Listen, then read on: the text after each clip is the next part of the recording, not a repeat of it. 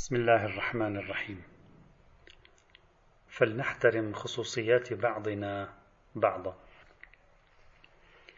ثمة مشكلة نواجهها في حياتنا الأخلاقية وربما تكثر في الأسر والعوائل والعشائر وما شابه ذلك. يتصرف بعضنا مع الأطفال أو مع الأولاد يتصرف بعضنا مع أصدقائه مع أقربائه.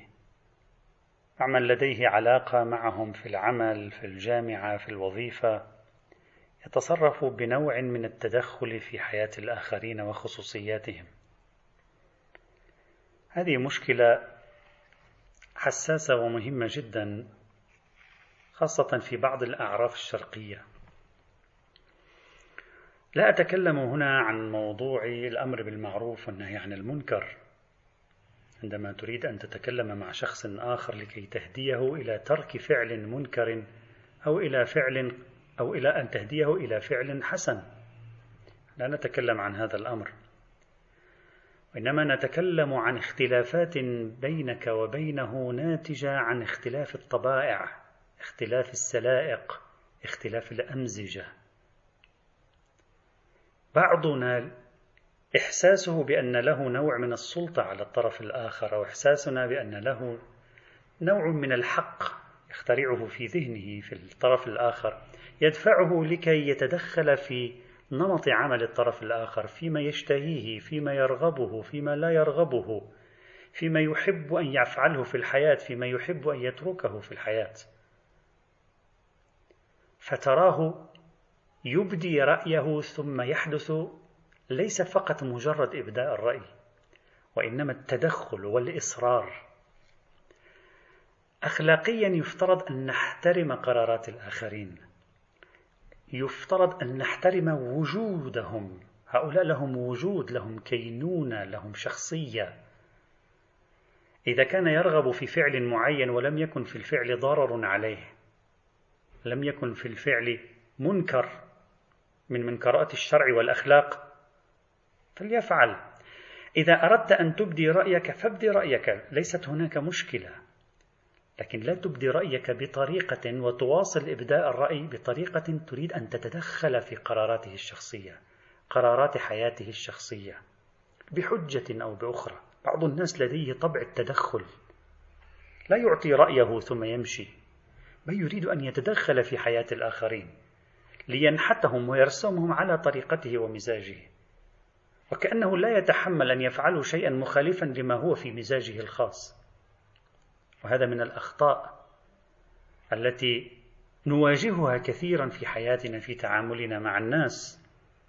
إذا قرر شخص على المستوى الشخصي أن يتخذ حياته على هذه الطريقة ويفعل فعلا معينا على تلك الطريقة أو أن يبني بيته على هذه الطريقة أو أن يؤثث منزله على هذه الطريقة أو أن يدرس الاختصاص الفلاني أو أن يعمل في الوظيفة الفلانية. إذا كنت تفضل له شيئا آخر فأعط رأيك في ذلك ليست هناك مشكلة. أما أكثر من مجرد إبداء الرأي والانصراف فهذا يشكل ضغطا عليه في بعض الأحيان. وهذا نوع من التدخل الذي لا تملك حقه أنت. قد تحرجه في بعض الأحيان نتيجة هذا التدخل. لكي يقوم بالفعل الذي هو منسجم مع رغباتك أنت. لما لك من سلطة معنوية أو سلطة أخوية وما شابه ذلك. وبالتالي أنت توقعه في حرج. الفعل الأخلاقي يتطلب منا أن نحترم شخصيات الآخرين.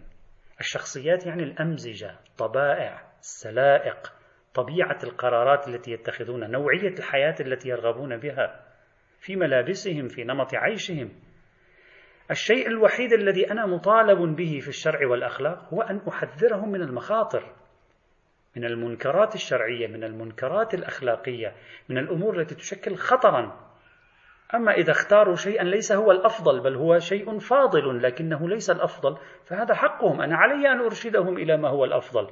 أعطيت رأيي انتهى قبلوا قبلوا لم يقبلوا لا بأس. علينا أن ننتبه إلى هذه الصفة التي يعاني منها بعضنا. لا يحترم قرارات الآخرين يتدخل فيهم يكثر اللجاج عليهم. اتركوا الناس. فلنترك جميعا الناس.